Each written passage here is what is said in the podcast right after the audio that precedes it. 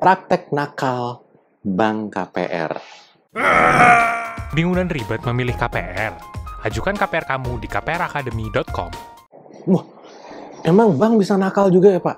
Bank secara institusi pasti, pasti rapih banget dan taat pada peraturan dan regulasi yang berlaku. Tapi beda halnya dengan orang yang ada di lapangan yang bisa mempraktekkan hal-hal tertentu yang saya akan ulas berikut ini. Jadi, simak videonya sampai akhir ya, supaya teman-teman bisa tahu, oh kalau kayak begini, saya mesti ngapain, kalau begini, saya mesti bagaimana. Nah, kita masuk praktek KPR yang dalam tanda petik ya, nakal nih di lapangan. Yang pertama, ini kaitannya dengan promo yang ditawarkan oleh bank tersebut. Karena untuk promo ini bisa jadi banknya nggak selalu menyediakan materi-materi yang tertulis, materi-materi yang print gitu, print ads dan sebagainya. Jadi bisa jadi itu hanya secara lisan disampaikan oleh marketing KPR-nya. Nah, promo yang sering jadi kendaraan kenakalan, promonya terkait dengan DP. Pak, kalau KPR di bank ABC, DP-nya oh 5% aja cukup gitu. Bisa, Pak. Ngomongnya selalu bisa dulu. Biasalah marketing kan. Ngomongnya selalu pasti bisa dulu. Padahal ini secara kebijakan nih, kebanyakan bank itu DP-nya itu biasanya udah sekarang disyaratkan di kisaran 20%, paling mentok oke di 15%, ah, sekecil-kecilnya. Nah, begitu kita sudah masukin dokumen, dan kita sudah bayar appraisal, ternyata hasil appraisalnya turun. Jadi kalau misalnya tadi kita mau transaksi 500 juta dan dibilang DP-nya cukup 5%, berarti kita cukup nyiapin 25 juta. Tapi kalau ternyata hasil appraisalnya cuma 400 juta, kita anggap aja, oke okay deh, 400 jutanya bisa dibiayain sama bank Cuma masalahnya adalah, ini kan masih ada selisih nih. 100 juta kan nilai transaksi. Padahal kita cuma nyiapin 25 juta buat DP-nya kita. Nah, ini yang sering kali terjadi di saat kita sudah mulai menjalani proses analisa KPR-nya. Karena di depan bilang, 5% bisa Pak, udah ajuin aja dulu, nanti kita bantu. Begitu analisanya sudah dilakukan dan ternyata analis mensyaratkan, oh DP-nya harus sekian nilainya. Jadi lebih besar dari yang semula dijanjikan oleh marketing KPR-nya. Marketing KPR-nya bilang, ya itu di luar kendali saya karena ini analisnya gitu. Kalau kita sih secara produk, secara kebijakan, promonya memang bisa segini. Tapi kalau analisnya mempertimbangkan Bapak harus bayar sekian, ya mau nggak mau mesti ikut pak gitu ya mohon, mohon maaf gitu nah kita udah kejebak udah capek ngumpulin dokumen dan kita masukin ke bank tersebut plus yang kedua kita udah bayar appraisal ya rasanya hmm, gimana gitu ya tapi karena udah kejebak juga dan di satu sisi yang lain belum tentu bank lain ngasih penawaran yang lebih bagus dari ini Nah, jadinya ya udah deh, nggak apa-apa deh, kita coba jalanin aja. Nah, banyak yang kejadian seperti ini. Dan kalau teman-teman pernah ngalamin kejadian kayak gini juga, boleh cerita ya di komen itu supaya bisa saling sharing ke teman-teman yang lain juga gitu.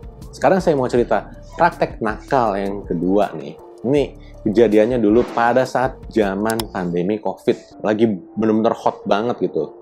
Di mana saat itu dari OJK atau Otoritas Jasa Keuangan mengizinkan untuk dilakukannya relaksasi kredit, restrukturisasi pinjaman.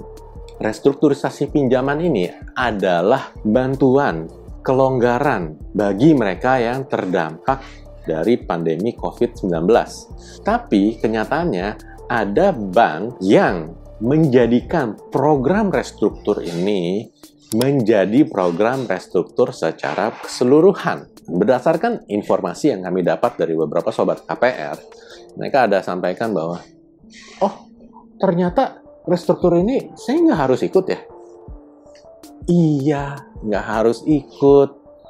Oh, saya, soalnya saya dikasih tahu sama orang banknya kalau saya wajib gitu. ini program dari pemerintah dan kamu wajib gitu ikutan restruktur supaya aman.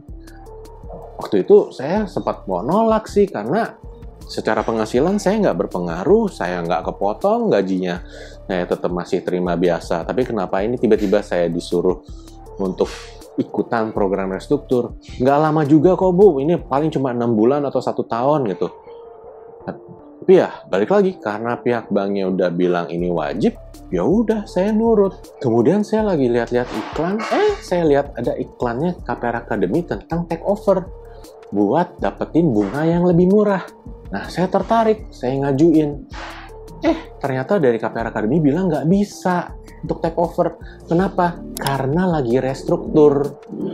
Nah, di sinilah saya sadar bahwa, waduh, saya dikerjain nih kemarin. Nah, jadi teman-teman yang kemarin-kemarin dapat tawaran program restruktur tapi diwajibkan, nah ini sebenarnya teman-teman lagi kena praktek nakalnya dari bank. Jadi uh, untuk kondisi teman-teman yang udah terlanjur kena, ya sudah mau nggak mau ya dijalani saja gitu.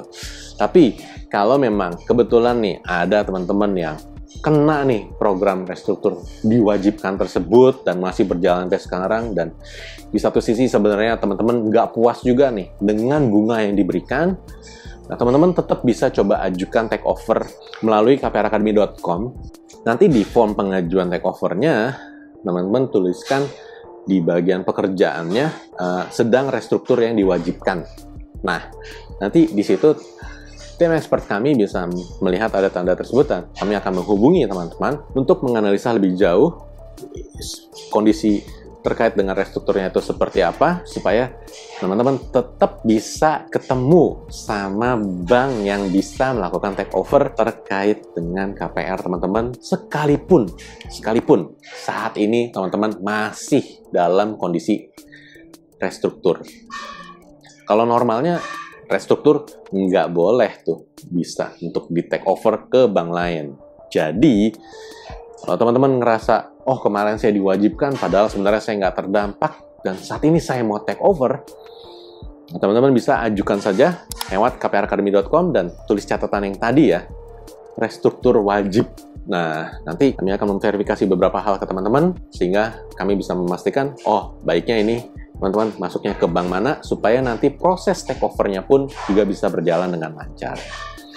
Dan buat teman-teman yang lagi kebetulan mikir-mikir nih mau ngajuin pengajuan KPR untuk beli atau untuk multiguna ataupun untuk take over dan mau terhindar nih dari praktek-praktek nakal ajuin KPR-nya lewat kpracademy.com saja ya nanti kami bantu pengajuannya dan kami akan dampingi teman-teman secara virtual selama proses KPR jadi begitu ada hal-hal yang aneh atau kendala, potensi kendala kami bisa segera membantu teman-teman supaya proses KPR-nya kembali bisa berjalan dengan lancar.